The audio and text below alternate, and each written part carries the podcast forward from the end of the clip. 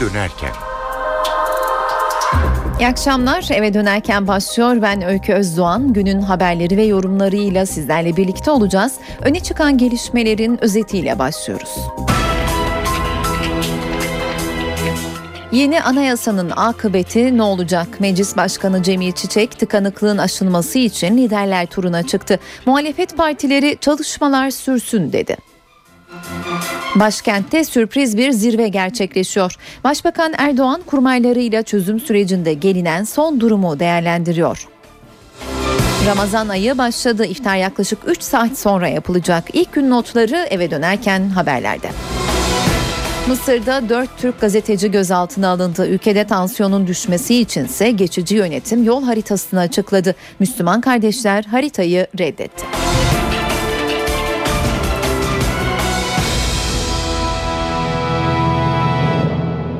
Meclis Başkanı Cemil Çiçek yeni anayasa çalışmalarındaki tıkanıklığı gidermek adına liderler turuna çıktı. İlk gün 3 partinin zilini çaldı. Liderler yapıcı konuştu. Masa devrilmesin, çalışmalar sürsün mesajı öne çıktı. Girişi en yeni notla yapalım. Cemil Çiçek gün sonunda CHP lideri Kemal Kılıçdaroğlu ile görüştü. Çıkışta Kılıçdaroğlu'ndan bir de açıklama geldi. Ayrıntıları NTV muhabiri Miray Aktağ Uluç'tan dinliyoruz. Yeni anayasa çalışmalarında liderler turundaki ilk aşamanın tamamlandığını söyleyebiliriz. E, Meclis Başkanı Cemil Çiçek önce Milliyetçi Hareket Partisi ardından BDP ve son olarak Cumhuriyet Halk Partisi liderleriyle görüştü. Liderlerin görüşmelerine aynı zamanda hukukçu kurmaylar da katıldı. Son yapılan görüşmeden notları aktarmamız gerekirse Cumhuriyet Halk Partisi Genel Başkanı Kemal Kılıçdaroğlu da diğer muhalefet liderleri gibi Anayasa Uzlaşma Komisyonu'nun çalışmalarının devam etmesi yönündeki talebini talebini bir kez daha tekrarladı. CHP Genel Başkanı'nın aslında dikkat çeken bir talebi daha oldu. Cumhuriyet Halk Partisi Genel Başkanı Uzlaşma Komisyonu'nun üzerinde mutabık kaldığı ve kalmadığı tüm maddeleri kamuoyuyla da paylaşmasını, sivil toplumla da paylaşması gerektiğini söyledi. Uzlaşma Komisyonu üyelerinin de e, böyle bir paylaşımda bulunması gerektiğinin altını çizdi. Bunu Meclis Başkanı Cemil Çişek'e de aktardıklarını ifade etti. Cumhuriyet Halk Partisi Genel Başkanı Kemal Kılıçdaroğlu anayasa kapalı kapılar ardında yapılamaz dedi CHP Genel Başkanı ve görüşme hiçbir mazeret üretmeden devam etmelidir dedi. Adalet ve Kalkınma Partisi'nin başkanlık sistemi önerisinin de geri çekmesini istedi. Zira bu e, öneri nedeniyle anayasadaki 40 maddenin görüşülemediğini de Cumhuriyet Halk Partisi Genel Başkanı bir kez daha tekrarladı. MHP ve BDP'den gelen açıklamalara da bakalım. Meclis Başkanı ilk olarak MHP lideri Devlet Bahçeli'yi ziyaret etti. Bahçeli görüşme sonrası yaptığı açıklamada masadan kalkan taraf olmayacağız dedi. Toplumun temel ihtiyaçlarına cevap verebilecek bir anayasanın Türkiye Büyük Millet Meclisi'nde yazımına başlamış olmak ve genel kurulda da bunun sonuçlanmasını temin etmek zannediyorum bütün partilerin de görevi olsa gerektir. Devam edebilmesinin yolu sürekli görüşmektir. Kesip atmak çözüm değildir. Eğer 440 günde çok farklı dünya görüşlerine sahip siyasi partiler Türkiye Büyük Millet Meclisi'nde bir ortak irade koyarak 48 maddede mutabakata varmışlarsa diğerlerini de sabırla devam ettirmekte yarar vardır. Milliyetçi Hareket Partisi komisyondan ayrılmayacak ayrılmayı düşünmemektedir. Masadan çekilmek isteyen, komisyondan ayrılmak isteyen varsa o siyasi partiler kendilerinin bileceği iştir. BDP'den de benzer yönde bir açıklama geldi. Parti eş başkanı Gülten Kışanak masa devrilmesin yol alınsın dedi. Gelinen düzey e, kamuoyunun, halkın, hepimizin beklentilerine cevap veren bir düzey değil. Henüz toplam 48 maddede uzlaşılabilir olması e, büyük bir e, problem alanı ve eksikliktir. Ne yazık ki kamuoyundaki bu yeni demokratik anayasa beklentisinin parlamentodaki çalışmaya yeterince yansımadığını görüyoruz. Ancak bu beklentiyi bu parlamento karşılamak zorunda. Bu nedenle biz komisyon çalışmalarının devam etmesini arzuluyoruz. Maksat masa devrilmesin ama yolda alınmasın. Ee, yaklaşımıyla kimsenin yaklaşma lüksü yoktur. Hem masa devrilmesin hem yol alınsın. Ankara'da kalmaya devam ediyoruz. Bu kez adres Başbakanlık konutu. Başbakan Erdoğan kurmaylarıyla toplantı halinde gündemde çözüm süreci var. Ayrıntıları telefon hattımızda bulunan NTV muhabiri Özden Erkuş'tan alacağız. Özden sürpriz bir görüşme diyebilir miyiz ve görüşmeye kimler katılıyor?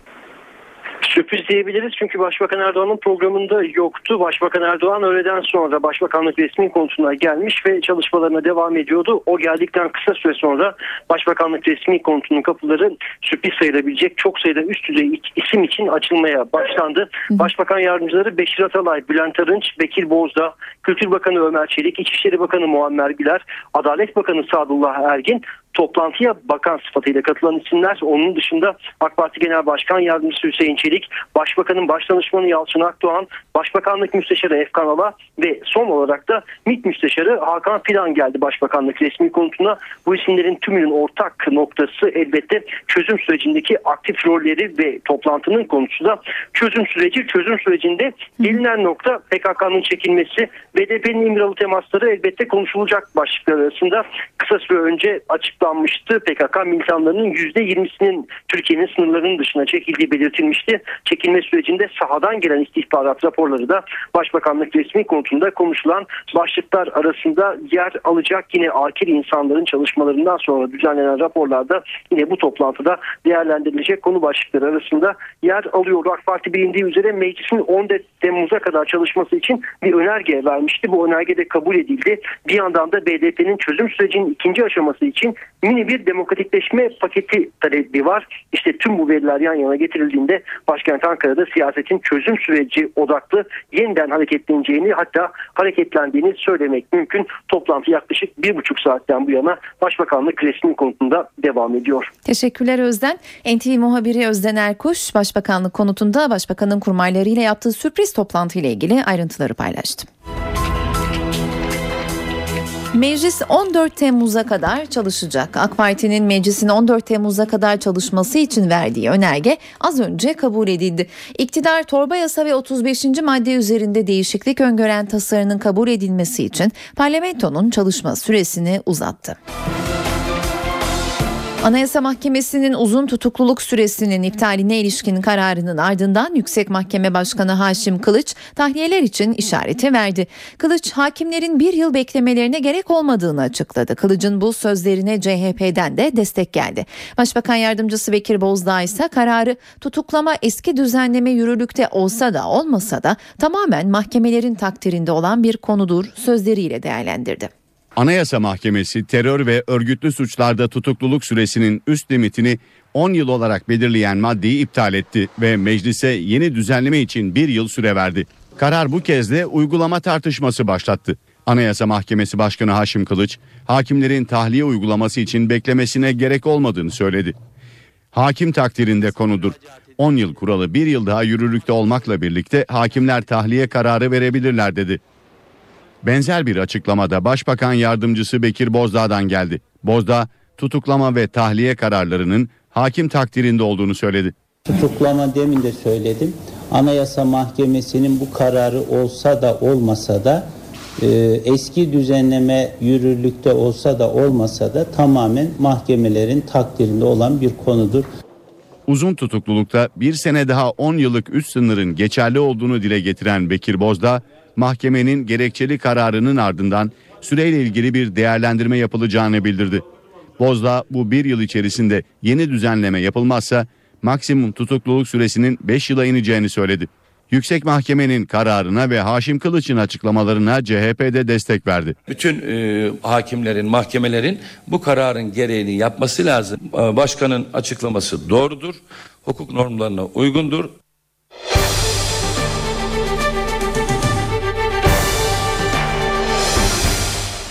Ramazan ayının gelişiyle dün gece ilk sahurlar yapıldı. Zonguldak'ta maden işçileri Ramazan'ı yerin altındaki ocaklarda karşıladı. Sakarya'da ise yangın gözetleme kulesindeki işçiler görev başında sahur yemeği yedi. İlk teravih kılındı, ilk sahur yapıldı. Zonguldak'ta maden işçileri her yıl olduğu gibi sahuru yerin yüzlerce metre altında yaptı. Arkadaşlar bismillah. Bismillah. Kimse istemez. Ee, çoluk çocuğun yanında herkes e, iftarını, savunu karşılamak ister ama e, para kazanacağız, rızık götüreceğiz çoluk çocuğumuza. İşçiler sahurda iş kazası olmadan çalışma dileğinde bulundu. Allah'ım bizim burnumuzu kanamadan e, evimize varabilmemizi nasip etmezler eyle ya Rabbi. Amin. Sakarya'da orman yangını gözetleme kulelerinde çalışan işçiler de Ramazan ayını görev başında karşıladı. İşçiler ilk sahuru 1050 metre yükseklikteki kulede yaptı. Yangın mevsimi de olduğundan biraz da Ramazan'a giriyoruz şimdi. Biraz sıkıntılı olacak ama sıcak günleri atlatacağız yangınsız inşallah.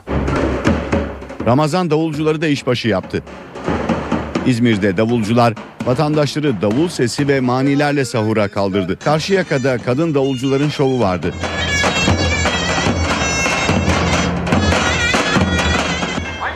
Bursa'da ise davul yerine ses bombası patlatıldı.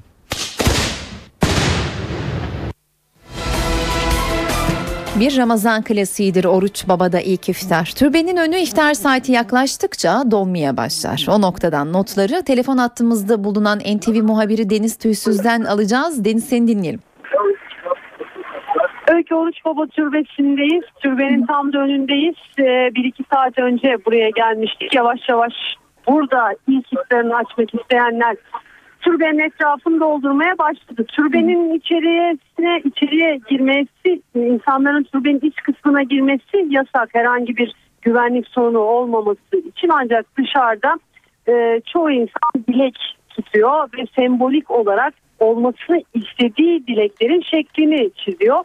Ve içeride bir görevli var. O manzarayı şu şekilde anlatayım. İçeride bir görevli var ve işte dileklerinin olmasını isteyen vatandaşlar görevlere bir takım şeyler veriyorlar. Türbenin duvarına sürmeleri için örneğin anahtarlık veriyorlar. Ev, e, evin anahtarlığı ya da araba anahtarlığı veriyorlar. E, ya da para sürmelerini istiyorlar. İşte e, inanışa göre e, bu tarz şeyler türbelerin taşına sürüldüğü zaman dilekler kabul oluyor. Hı. Ve Ramazan'ın ilk iftarında burada olmak gerekiyor. Ramazan'ın ilk iftarında e, burada sirke ve ekmekle açılıyor. İnanışa göre Oruç Baba e, rivayete göre daha doğrusu Oruç Baba burada e, fakir olmasına rağmen orucunu tutup ve e, çok fakir olduğu için de orucunu ekmek ve sirkeyle açarmış. İşte insanlar da bu inanışa göre hareket ediyorlar ve Ramazan'ın ilk gününde burada yüzlerce insan oluyor. Şu anda da türbenin etrafı dolmuş durumda. Yaklaşık e, buçuk üç saat var iftarın olmasına. İşte burada insanlar birbirlerine sirke dağıtıyorlar, ekmek dağıtıyorlar. Bir de eğer e, bu yıl tuttuğunuz dilekler gerçekleşirse seneye yine buraya geliyorsunuz. Bu sefer e, özellikle olarak oruç açmak için değil de dilekleriniz kabul olduğu için şeker dağıtmak için buraya gel- geliyorsunuz. Bu da bu inanış ve inanışa göre şekerler burada dağıtılıyor. Eğer dilekler kabul olursa şu anda Oruç Baba Türbesi'nin etrafı hayli kalabalık. Özellikle kadınlar ve çocuklar ağırlıkta öykü. Peki Deniz teşekkürler. NTV muhabiri Deniz Tüysüz iftar saati yaklaşmaya başlamışken Oruç Baba'dan notları aktardı. Ramazan'la birlikte birçok belediye her yıl olduğu gibi iftar sofraları kurdu. İstanbul Üsküdar'da kurulan sofra mega kentteki en büyük sofra olacak. Belediye tarafından her gün 25 bin kişiye yemek verilecek. Mutfakta ilk iftar öncesi hararetli bir çalışma yürütüldü. Günün menüsünde kavurma, nohutlu pilav, mercimek çorbası, hurma, tulumba tatlısı, ayran ve su olacak. Bir günlük hazırlanan iftar yemeği için 1,5 ton et, 1,5 ton pirinç, 400 kiloda mercimek kullanıldı. 1,5 ton tulumba tatlısı da hazırlandı. İftar yemeğinin dağıtıldığı noktaya gelemeyen yaşlı, engelli ve ihtiyaç sahibi bin kişiye de sefer taslarıyla yemek götürülecek.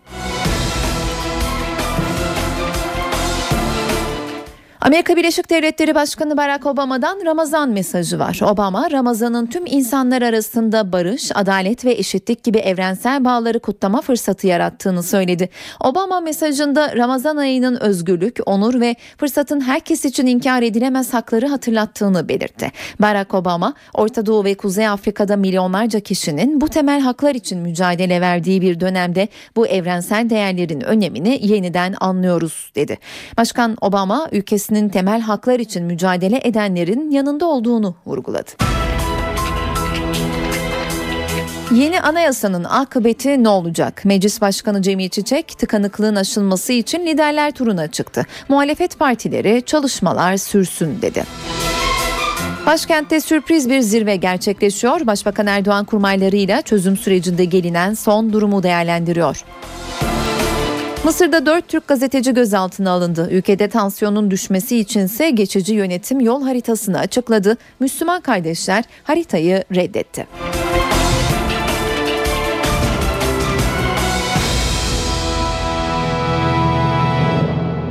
Buradan haberlerle devam edelim. İki başlık öne çıkmış durumda. Ülkede bugün dört gazeteci, Türk gazeteci gözaltına alındı. An itibariyle serbest bırakılmış değiller. Diğer öne çıkan konu ise geçici hükümetin yol haritasını sunmuş, sunmuş olması. 6 ay içinde seçim yapılmasını öngören plan Müslüman kardeşler tarafından kabul görmedi. Binlerce kişi Adevye meydanında toplanmış durumda. Son bilgileri de NTV muhabiri Can Ertuna'dan alıyoruz. Günlerdir Tahrir'den yayın yapıyorduk ancak Tahrir meydanı iki günden beri boş. Dün silahlı müdahaleden sonra 51 kişinin hayatını kaybetti. Saldırıdan sonra Hadeviye meydanında kalabalık çok daha fazla artmış durumda. Çok daha coşkulu yer yer öfkeli bir kalabalıktan bahsedebiliriz. Sokakta asker ve polis mevcudiyeti de artmış durumda dünkü olaylardan sonra. Ana caddelerde önemli noktalarda stratejik olarak değerlendirilen pek çok noktada ciddi bir askeri yığınak yapılmış durumda. Zırhlı araçlar, çelik yelekli askerler keza polis ekipleri görev yapıyor. Adeviye Meydanı'nın diğer ucu Mursi taraftarlarıyla asker karşı karşıya. Gözüken o ki bugün buradaki dün akşam ilerleyen saatlere kadar devam eden eylem bugün de devam edecek. Buradaki coşku her geçen saat artmakta çünkü. Şundan bahsedeyim bir yandan da uzlaşı çalışmaları, durumu normalleştirme çalışmaları devam ediyor. Geçici Cumhurbaşkanı, geçici devlet başkanı Adli Mansur'un dün akşam geç saatlerde bir yol haritası açıkladı. İlk defa somut bir plan koydu halkın önüne. Önce Anayasa Komisyonu kuracak, ardından o komisyon anayasa değişikliğini yapacak. Anayasa değişikliği referanduma götürülecek ve yaklaşık 6 ay içinde de parlamento seçimleri yapılacak dedi. Ancak buradaki kalabalığın desteğini alan Müslüman kardeşler bu planı reddetti. Darbenin düzenlendiği, yönetimin değiştiği günden düne kadar herhangi bir askeri polis yoğunluğundan bahsedemiyorduk ancak dünkü katliamdan sonra buradaki önlemler çok arttı ve dolayısıyla burada gazeteciler için çalışma koşulları da farklı bir faza girmiş oldu. Sabah saatlerinde dün akşam Kahire'ye gelen meslektaşlarımız Star Haber, Star kanalı muhabiri Murat Uslu ve kameraman Zafer Karakaş'ın gözaltına alındığı bilgisini birinci elden Zafer'in telefonu üzerine öğrendik. Kendileri mihmandarlarıyla beraber çekim yaparlarken bir grubun kendilerine tacize olduğunu söylediler ve ardından grupla yaşanan arbede sonrası bize mihmandarlarının aktardıklarını aktarıyorum ben de. Askerlere teslim edildiklerini belirttiler ve gözaltı süreci öyle gerçekleşmiş. Zafer bize sağlık durumlarının iyi olduğunu, kameralarına, pasaportlarına el konulduğunu söylemişlerdi. Elbette ki Türkiye'nin Kahire Büyükelçiliği hemen devreye girdi. Hüseyin Avni Botsalı ile kurduğumuz temaslarda kendisinin Mısır Dışişleri Bakanlığı yetkilileri nezdinde girişimlerde bulunduğunu öğrendik. Öğle saatlerinde Murat ve Zafer için girişimler sürerken bir başka gözaltı haberi geldi. A Haber muhabiri Fatih Er ve kameraman Tufan Güzel gününde gözaltına alındıklarını öğrendik. Onlar da sokakta çekim yaparlarken buradaki akreditasyon koşullarını karşılamadıkları gerekçesiyle gözaltına alınmışlardı. Şu ana kadar bize gelen son bilgiler henüz kendilerinin dört meslektaşımızın salınmadığı yönünde ancak bir kez daha belirtelim. Türkiye'nin Kahire Büyükelçiliği devrede ve dışişleriyle Mısır dışişleriyle temastalar. Bir son dakika gelişmesini aktaralım hemen. Mısır geçici Cumhurbaşkanı Adli Mansur, Başbakanlık için adı geçen hukukçu Muhammed El Barade'yi dış ilişkilerden sorumlu yardımcısı olarak atadı. Mansur'un başbakanlığı ise eski Maliye Bakanı Hazem El Beblavi'yi atayacağı söyleniyor.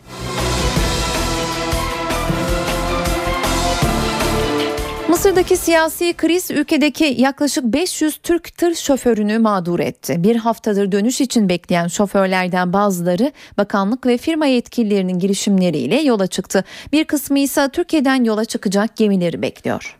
Dışişleri Bakanlığı devreye girdi. 5 nakliye firması yetkilisi Mısır'a gitti. Mısır'da mahsur kalan Türk tır şoförleri dönüş yoluna çıktı. Yaklaşık 200 Türk şoförün beklediği Roro gemisi Mısır açıklarında 5 gün bekletildikten sonra limana alınmıştı. Gemideki 130 şoför güvenlik gerekçesiyle inmeyi reddetti. Gemi boşalmadığı için limanda bir haftadır mahsur kalan 200 şoför de Türkiye'ye dönemedi. Kriz Mısır'a giden firma yetkilileri ve Dışişleri Bakanlığı'nın görüşmeleri sonucu aşıldı.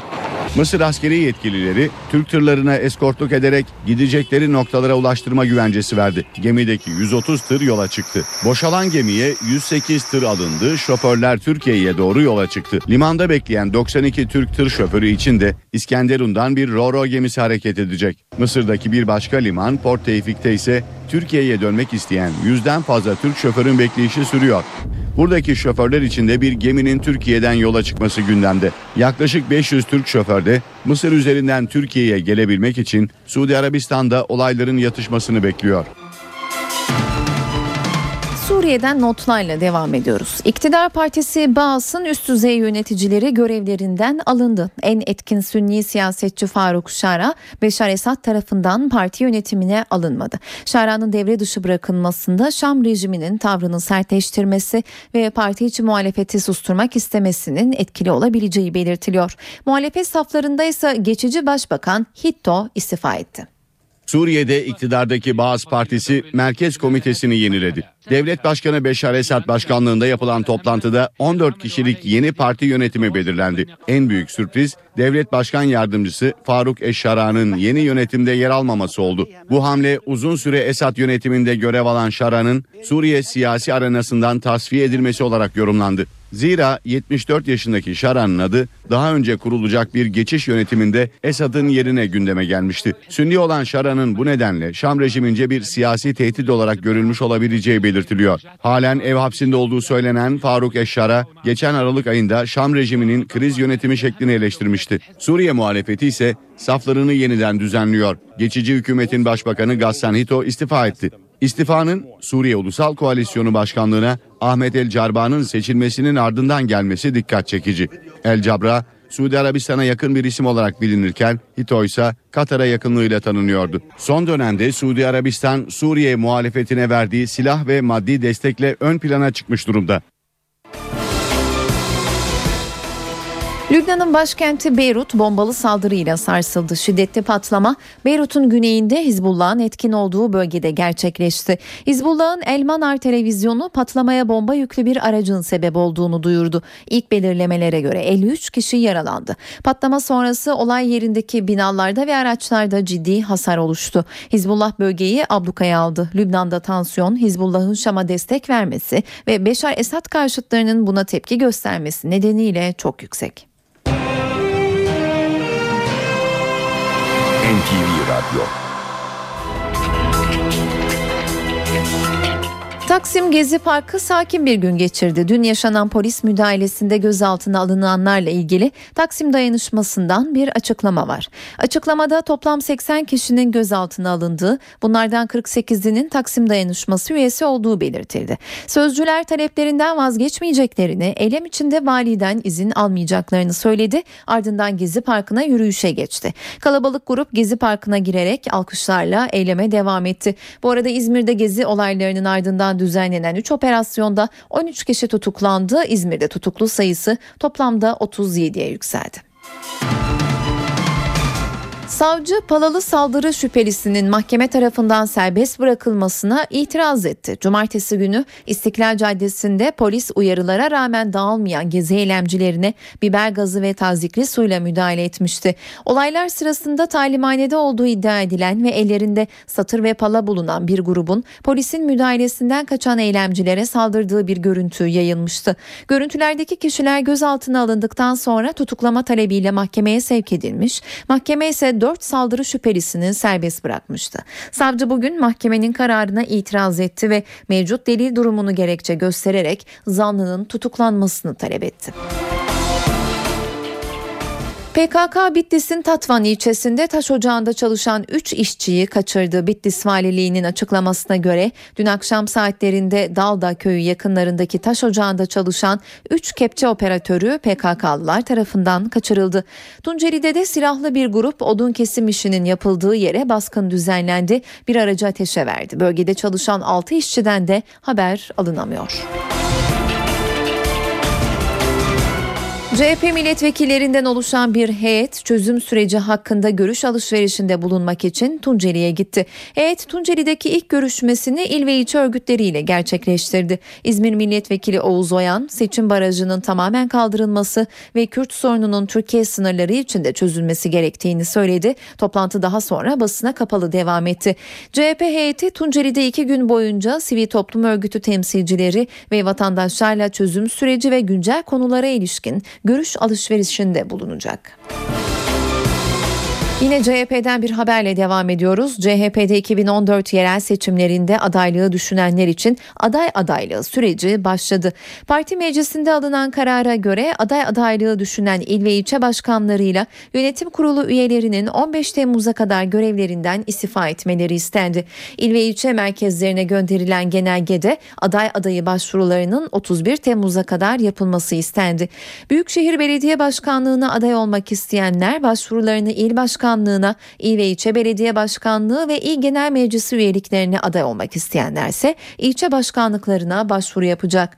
Büyükşehir Belediye Başkanlığı için 9 bin, nüfusu 100 bin ve üzeri il ve ilçe belediye başkanlığı için 5 bin, nüfusu 50-100 bin olan il ve ilçe başkanlığı için 3500 lira, il genel meclisi üyelikleri için de 2000 lira başvuru ücreti alınması kararlaştırıldı. Emniyet Genel Müdürlüğü akşam 7 ila sabah 7 saatleri arasında evde matkap ve motorlu aletlerin kullanılmasının yasak olduğunu duyurdu. Emniyetten yapılan açıklamada ceza kanunundan kişilerin huzur ve sükununu bozma ve gürültüye neden olmanın suç olarak düzenlendiği hatırlatıldı. Mesken içinde ve dışında gürültü seviyesinin 65 desibelden yüksek olamayacağı vurgulandı. Açıklamada ev içinde ve en az 350 mes- metre mesafede matkap, testere, çim biçme makinesi, koşu bandı veya benzeri araçların 19 ila sabah 7 saatleri arasında çalıştırılması veya çalıştırılmasına izin verilmesi yasaktır ifadeleri kullanıldı.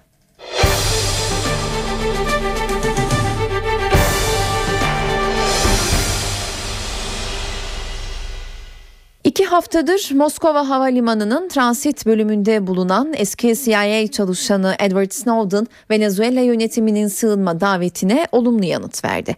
Rusya'nın resmi haber ajansının aktardığına göre Amerika'nın dünya genelinde yürüttüğü gizli dinleme skandalını ortaya çıkaran Snowden, Rusya'da görevli Venezuela diplomatik misyonu üzerinden Caracas'la temasa geçerek daveti kabul ettiğini açıkladı.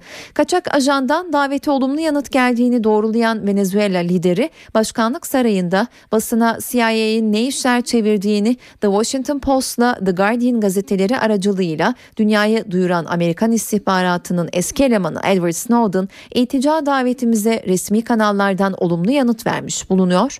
İltica başvuru dilekçesi elimize ulaştı. Şimdi geriye tek bir mesele kalıyor. Snowden'ın ülkemize ne zaman ve hangi yoldan geleceğinin belirlenmesi gerekiyor dedi. Venezuela yönetimi Snowden'a geçtiğimiz cuma siyasi sığınma hakkı tanıyacağını duyurmuştu. Ancak Snowden'ın iki gün boyunca bu ülke yetkilileriyle temasa geçmemesi üzerine Venezuela Dışişleri Bakanlığı ek bir açıklama yaparak Snowden pazartesi akşamına kadar kararı vermeli demişti.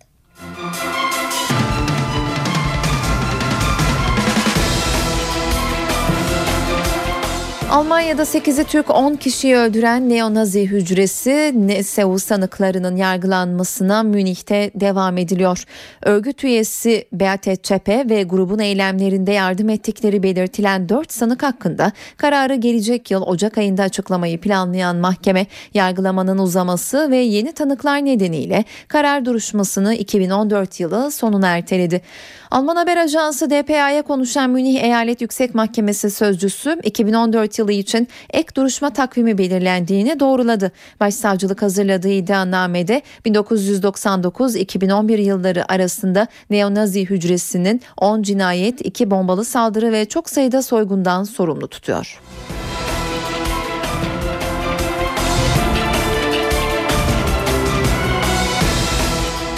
Dünya genelinde yolsuzluk artıyor. Hazırlanan son rapora göre her dört kişiden biri son bir sene içinde rüşvet verdi. Rüşvet artarken siyaset ve siyasetçilere duyulan güvense azalıyor. Uluslararası Şeffaflık Örgütü'nün hazırladığı küresel yolsuzluk araştırmasına göre dünyada her 4 kişiden biri son bir sene içerisinde rüşvet verdi.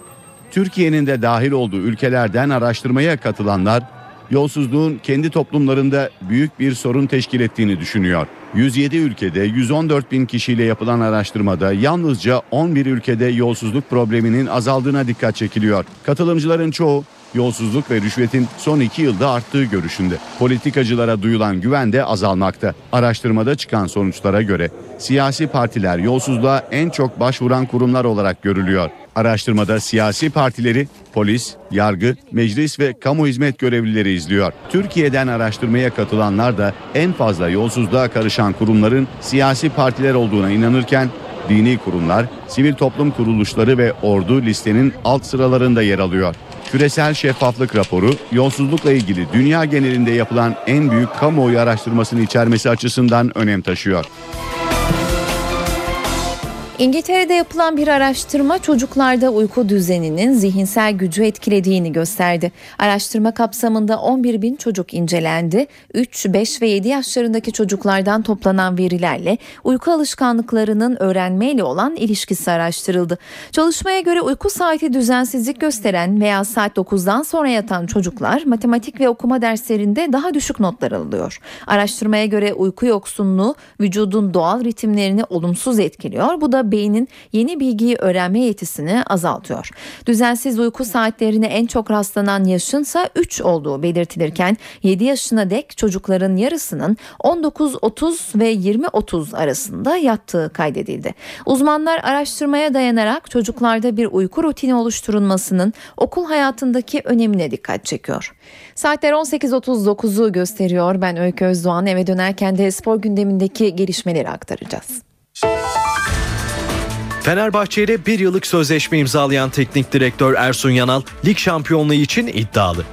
Sarı lacivertlilerin topuk yaylasındaki tesislerinde kameraların karşısına geçen Yanal sözlerine eski teknik direktör Aykut Kocaman'a teşekkür ederek başladı. Öncelikle Aykut Hocam'a teşekkür ediyorum. Kendisi e, yarı finalde oynayan bir takım ve gerçekten yapılanma açısından da doğru e, işlerin yapıldığı bir takım bıraktı.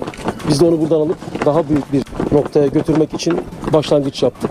Fenerbahçe rakiplerine üstünlük kuracak her türlü oyunu oynayabilecek bir takımdır. O gücü de vardır. Her türlü oyunu oynayabiliriz. Tek forvet, 3 forvet o gücü vardır Fenerbahçe. 6 artı 0-4 geçen sezon alınmış bir karar. Fenerbahçe e, takımı bunu geçen yıldan beri planlayarak geldi. Bu planını devam ettirdi. Ve şu anda 6 artı 4 planına göre de programlarını devam ettiriyor. Bilmiyorum ne kadar biliyorsunuz. Önümüzdeki sezon içinde 5 artı 0 artı 3 programı var e, yapılanmasını ona göre de planlamasını sürdürüyor. Bir yıllık kontrat e, şampiyon olmak karşılığını taşıyor bence. Galatasaray ligimizin iyi futbol oynayan takımlarından bir tanesi, iyi takımlarından bir tanesi. Fenerbahçe'nin rakiplerinden bir tanesi. Sonuçta Fenerbahçe'nin rakiplerinden bir tanesi ise Fenerbahçe her rakibiyle olan mesafeyi Galatasaray'la da aynı şekilde koruyup onları geçmeye çalışacaktır, geçecektir de. Bu arada Fenerbahçe yarın UEFA Tahkim Kurulu'nun karşısına çıkacak. Sarı lacivertliler UEFA Disiplin Kurulu'nun şike iddialarıyla ilgili verdiği 2 artı 1 yıl Avrupa'dan men cezasına itiraz edecek.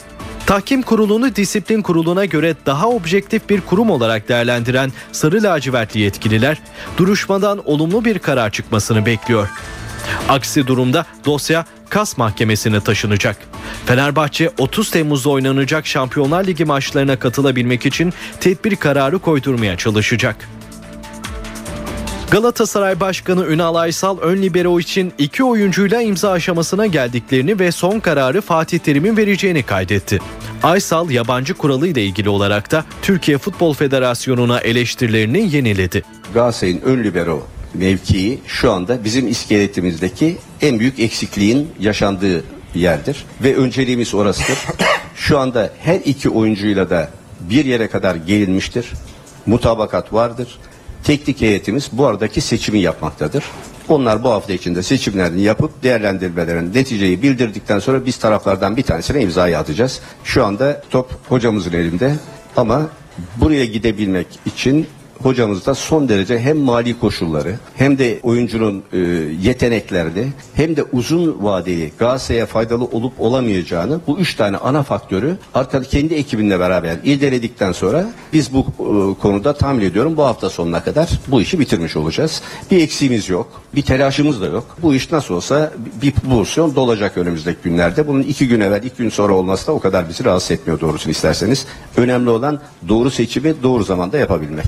Umut e, şu anda çalışıyoruz. Büyük bir ihtimalle önümüzdeki günlerde bitecek. Sadece Galatasaray'ın değil, Türk kulüplerinin yurt dışında temsili son derece zor, meşakkatli ve pahalı bir işlemdir. Biz kulüpler elimizden geldiğince ülkemizi ve kendi renklerimizi dışarıda e, iyi temsil etmeye çalışırken büyük bir özveriyle e, uğraşıyoruz ve bundan dolayı da e, tek beklediğimiz bizim önümüzün açılması. Hadi açılmadı en azından önümüze yeni manialar getirilmemesidir. Bunu daha önce de e, belirtmeye çalıştım.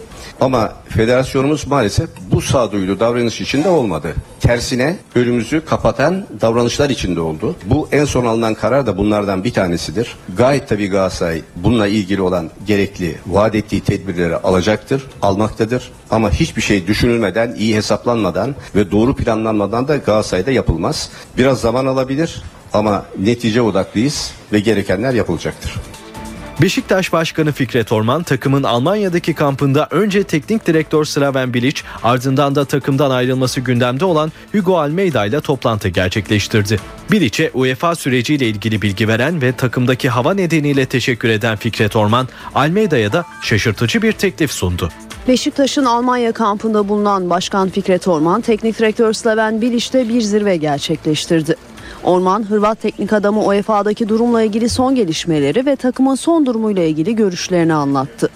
Orman Bilic'e cezanın kaldırılacağını düşünmüyorum ancak erteleme çıkma olasılığı yüksek. Zaten savunmamızı da bu yönde yaptık. Siz bunları düşünmeden çalışmalarınıza devam edin. Biz size iyi haberleri getirmek için çalışıyoruz diye konuştu.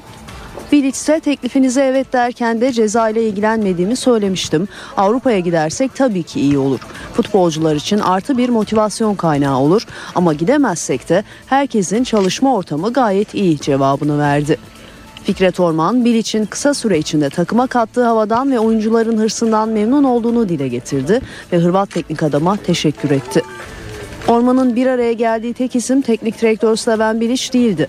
Başkan takımdan ayrılması gündemde olan Hugo Almeida ile bir toplantı gerçekleştirdi. Fikret Orman, Portekizli oyuncuya şaşırtıcı bir teklifte bulundu. Orman, futbol direktörü Önder Özen'in görüşünü alarak Almeida'ya yeni sözleşme önerdi. Gelecek sezon sözleşmesi sona erecek olan Almeida da takımdan ayrılacağı yönünde tasarruf beklerken bu teklifi alması karşısında şaşırdı ve yanıt vermek için başkandan süre istedi. La Liga'da yeni sezon fikstürü çekildi. İlk El Clasico ise 27 Ekim'de. Ligin ikinci yarısındaki El Clasico'ya ise Real Madrid ev sahipliği yapacak ve mücadele 23 Mart 2014'te oynanacak. İspanya'da yeni sezon 17 Ağustos'ta başlayacak. Borussia Dortmund, Shakhtar Donetsk'in orta saha oyuncusu Henrik Mkhitaryan'ı renklerine bağladı. Shakhtar kulübü transferin 27 milyon 500 bin avro karşılığında gerçekleştiğini duyurdu. Sağlık kontrolünden geçen Mkhitaryan 4 yıllık sözleşme imzaladı. Eve dönerken hava durumuyla devam ediyor. Son hava tahminlerini NTV Meteoroloji Editörü Gökhan Abur'dan dinliyoruz. İyi akşamlar. Marmara'da Poyraz Ege'de karayer kuvvetli eserek hissedilen sıcaklıkların yükselmesini önleyecek ama yurdun diğer kesimlerde sıcaklıklar yarın da yükselmeye devam edecek. Özellikle Güneydoğu'da sıcaklıklar yine 40 derecelerin üzerine çıkıyor.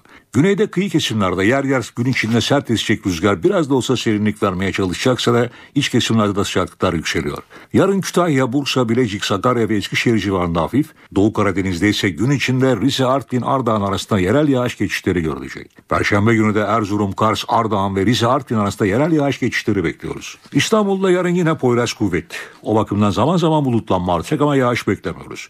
Sıcaklık ise kentin güneyinde 29 derece olacak. Boğaz'da ise biraz daha düşük. Ankara yarın az bulutlu sıcaklık gündüz 33 gece ise 19 derece olacak. İzmir merkezde zayıf rüzgar bunaltacak. Sıcaklık 34 derece. Kıyı kesimlerde özellikle Çeşme'de ise rüzgar yine öğle saatlerinde Poyrazlar sert esmeye devam edecek. Hepinize iyi akşamlar diliyorum. Hoşçakalın. Sırada kültür sanat dünyasından haberler var. Çeşitli etkinliklerden bir derleme sunuyoruz.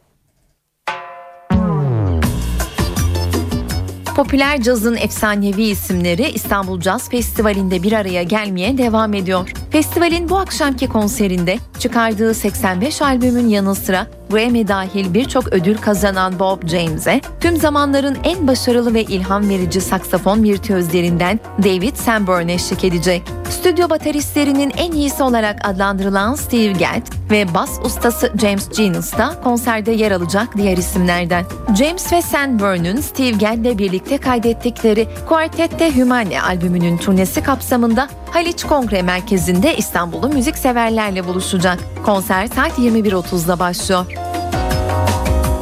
İzmir'de ise opera severler için bir performans sergilenecek bu akşam. Verdi'nin 200. doğum yıl dönümünün kutlanacağı 2013 sezonu konser serisinde Viyana Operası'nın tanınmış mezzo sopranolarından Adrine Simonian İzmir'i sanatseverlerle bir araya geliyor. Simonian'a Mahler, Liszt ve Wolf aryalarında Amarcord Wien eşlik edecekti. Ancak solistin sağlık nedenleriyle İzmir Festivali'nde sahne alamayacağını belirtelim. Konser mekanı Efes Odeon, performans başlama saati ise 21.30. Bu akşam evdeyseniz CNBC'de The Naked Gun Two and a Half The Smell of Fear adlı film var. Leslie Nielsen'ın Police Squad adlı televizyon dizisinde canlandırdığı Frank Drabin adlı akıllara zarar dedektifin sinemadaki maceralarını anlatan The Naked Gun çıplak silah serisinin ikinci filminde Frank Drabin enerji şirketlerini zora sokacak bir rapor yayımlamak üzere olan bir bilim adamı kaçırılınca eski sevgilisiyle birlikte onu kurtarmak için harekete geçiyor. Filmin başlama saati 22. Öncesinde ise saat 21'de Revolution ekranda olacak. Böylece eve dönerken programının sonuna geldik. Ben Öykü Özdoğan. Yarın akşam aynı saatte karşınızda olacağız. Şimdilik hoşçakalın.